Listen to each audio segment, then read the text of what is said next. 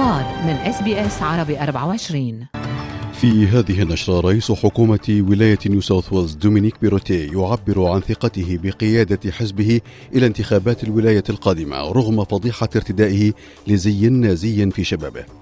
وتحذيرات من هطول أمطار غزيرة يومي الجمعة والسبت في مناطق في كوينزلاند. وفي زيارة نادرة مدير المخابرات المركزية الأمريكية اي يزور ليبيا.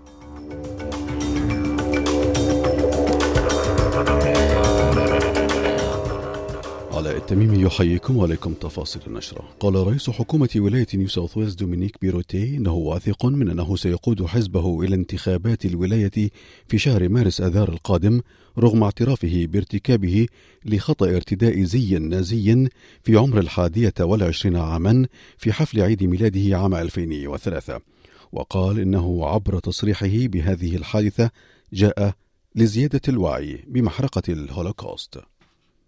My hope is that some good can come from the terrible mistake uh, that I made. Uh, I met with the Jewish Board of Deputies, and we both spoke about how important it is to continue to raise uh, education and understanding, particularly with young people, of the horrors of the Holocaust, uh, and to ensure that evil such as that never occurs again.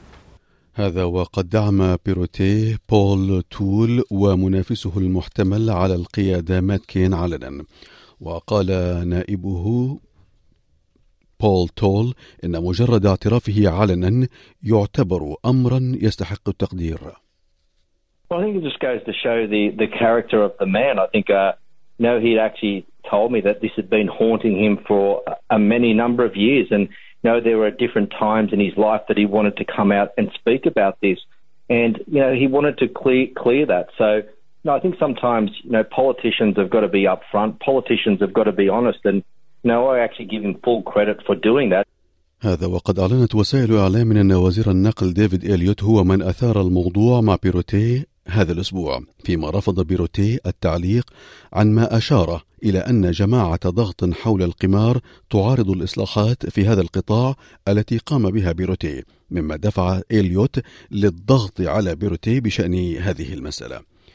على جانب سياسي آخر وردت ردود أفعال حول زيارة رئيس الوزراء أنتوني البنيزي إلى بابوغيني الجديدة والاتفاقات الأمنية حيث نفت الحكومتان أن اتفاقهما يأتي كرد فعل على القلق المحيط بالصين فيما قال الدكتور مالكولم ديفيز كبير المحللين بشأن الدفاع والاستراتيجية في معهد السياسة الاستراتيجية الأسترالي في كاميرا قال إن هذه المعاهدة جاءت لتعزيز علاقة استراليا بأحد أقرب وأهم جيرانها.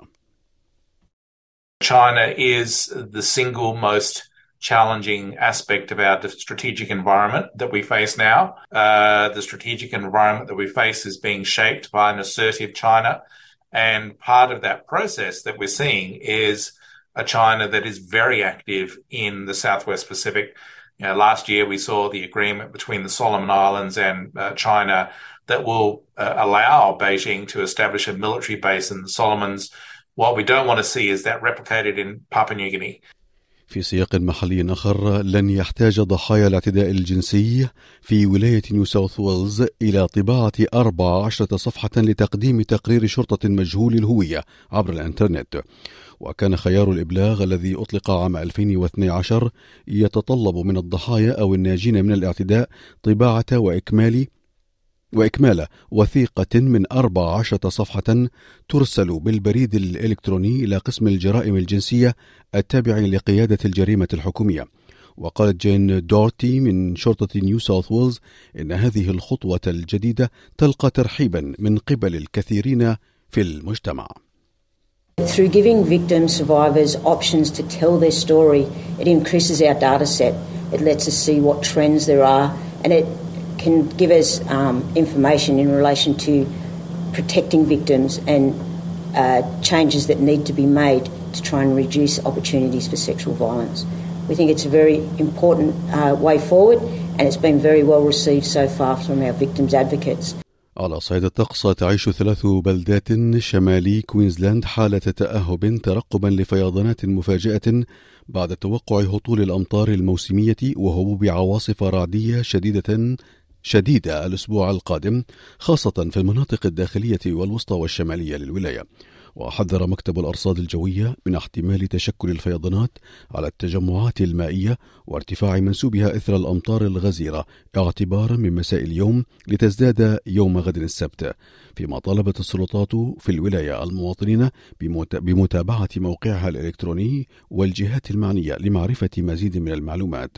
يأتي ذلك فيما قال وزير الخزانة جيم تشالمرز إن الفيضانات والكوارث الطبيعية التي عصفت في أماكن عدة في أستراليا استنفذت خمسة مليارات دولار من الاقتصاد الوطني. Even though we are rightly focused on the human cost of these natural disasters, which are becoming more and more frequent, there is a cost to the economy as well and a cost to the budget. We will, of course, be there for Australians impacted by natural disasters in the same way that Australians are there for each other. في سياق آخر دعت الجمعية الطبية الأسترالية إلى التدخل العاجل لمعالجة تزايد أعداد المرضى الذين سيخضعون لعملية جراحية خاصة بعد تأجيل العمليات التي تتطلب إقامة لليلة واحدة بسبب موجة كوفيد-19 وصرح رئيس الجمعية ستيف روبسون لشبكة اي بي سي قائلا إذا لم يتم معالجة هذا الأمر سريعا فإن الوضع سيزداد سوءا. We've analysed data from the Australian Institute of Health and Welfare about people and the surgery that they're having in all the states and territories of Australia over the last few years. We've projected what would have been happening uh, according to the trends before the pandemic and looked at what did actually happen during the pandemic. And it's left us with the figure that if things are not dealt with and the trends continue, by the middle of this year, we'll have done half a million operations and procedures less than we should have done. ونبقى في القطاع الطبي حيث دعا الصليب الأحمر الأسترالي ومنظمات التبرع بالدم لحاجتها إلى 1600 متبرع بالدم يوميا لتغطية الحاجة الماسة لكميات من الدم الكامل والصفائح الدموية والبلازما وقالت جيما فولكن ماير من لايف بلادز لشبكة سكاي نيوز إن المخزون ينفذ خاصة لفصيلتي O و A We are really looking for right now for A and O blood types, which are uh, supplies of those two blood types are low. They make up around 80% of patients in hospital. Uh, so, obviously, that's a concern for lifeblood going into such a busy uh, time for blood supplies. We do really see quite high demand at this time of year from the hospitals, not just because of accidents and trauma, but also because hospitals are working to get patients home for Christmas. في سياق طبي آخر يتم حاليا اختبار رزمة فحص سريع لاكتشاف عدة أمراض. وإذا تمت الموافقة عليه من قبل منظم الطب الأسترالي فستكون رزم الفحص الذاتي قادرة على اكتشاف RSF عفوا مرض RSV ونوعان من الإنفلونزا بالإضافة إلى كوفيد 19 في وقت واحد. وقالت نائبة رئيس الجمعية الطبية الأسترالية الدكتورة دانيال فيكمالين إن الفحوصات ستحتاج إلى تقييم صارم قبل الموافقة عليها. We need to make sure that the TGA put such a, a, a new test through some pretty rigorous testing before it got to our, our shelves uh, and some information about, well, what, yeah, then what do we use these for? Why would you test? What do you do with the results? And what's the impact going to be if you test positive for these various illnesses? عالميا التقى ويليام بيرنز مدير وكالة الاستخبارات المركزية الأمريكية CIA في العاصمة الليبية طرابلس رئيس الحكومة عبد الحميد دبيبة وتعد وزيرة زيارة بيرنز نادرة من جانب مسؤول أمريكي رفيع إلى الدولة التي مزقتها الحرب والمنقسمة حاليا بين حكومتين متنافستين. وقالت الحكومة التي تتخذ من طرابلس مقرا لها إن بيرنز ودبيبة ناقشا التعاون والقضايا الاقتصادية والأمنية. وجاءت زيارة بيرنز في أعقاب التسليم المفاجئ الشهر الماضي لضابط مخابرات ليبي سابق متهم بصنع القنبلة التي انفجرت على متن رحلة جوية تجارية فوق لوكربي باسكتلندا عام 1988 ما أسفر عن مقتل جميع من كانوا على متن الطائرة مع أحد عشر شخصا على الأرض. في سياق آخر قالت وزارة الصحة الفلسطينية أن شابا يدعى حبيب كميل قتل خلال مواجهات مع الجيش الإسرائيلي مساء اليوم في بلدة قباطية شمالية الضفة الغربية.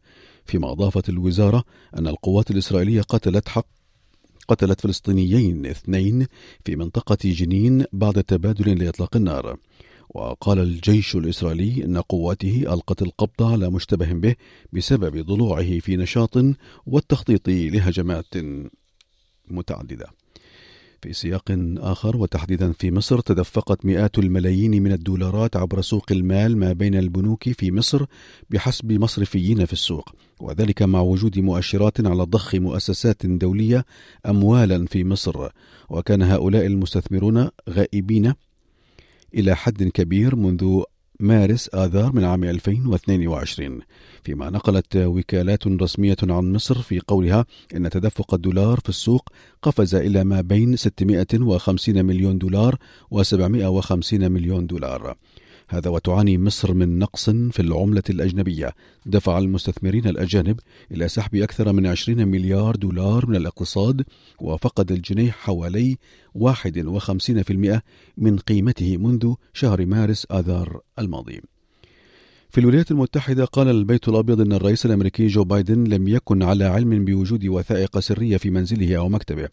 يأتي ذلك في الوقت الذي تم فيه العثور على مزيد من الوثائق السرية في مكانين من منزل الرئيس. فيما أكدت السكرتيرة الصحفية للبيت الأبيض كارين جان بيير عدم معرفة الرئيس بوجود هذه الوثائق. في أخبار الرياضة كشفت تقارير إعلامية إنجليزية أن والد ووكيل أعمال اللاعب الأرجنتيني ليونيل ميسي وصل إلى العاصمة السعودية الرياض لإجراء محادثات لانضمام ميسي لنادي الهلال السعودي بمبلغ 300 مليون دولار سنويا. في أسعار العملات بلغ سعر صرف الدولار الأسترالي مقابل الدولار الأمريكي 69 سنتا أمريكيا. إلى درجة الحرارة المتوقعة ليوم غد كما يلي. في بيرث الجو مشمس 32 في أدليد مشمس 38 في ملبورن غائم جزئيا 35 في هوبرت مشمس 30 في كانبرا غائم جزئيا 31 في سيدني غائم جزئيا 28 بريسبن غائم جزئيا 28 وأخيرا في داروين أمطار متوقعة عاصفة محتملة مع 32 درجة مئوية. كانت هذه نشرة الأخبار. قرأها على حضراتكم علاء التميمي من SBS عربي 24 شكرا لإصغائكم هل تريدون الاستماع إلى المزيد من هذه القصص؟ استمعوا من خلال أبل بودكاست، جوجل بودكاست، سبوتيفاي أو من أينما تحصلون على البودكاست.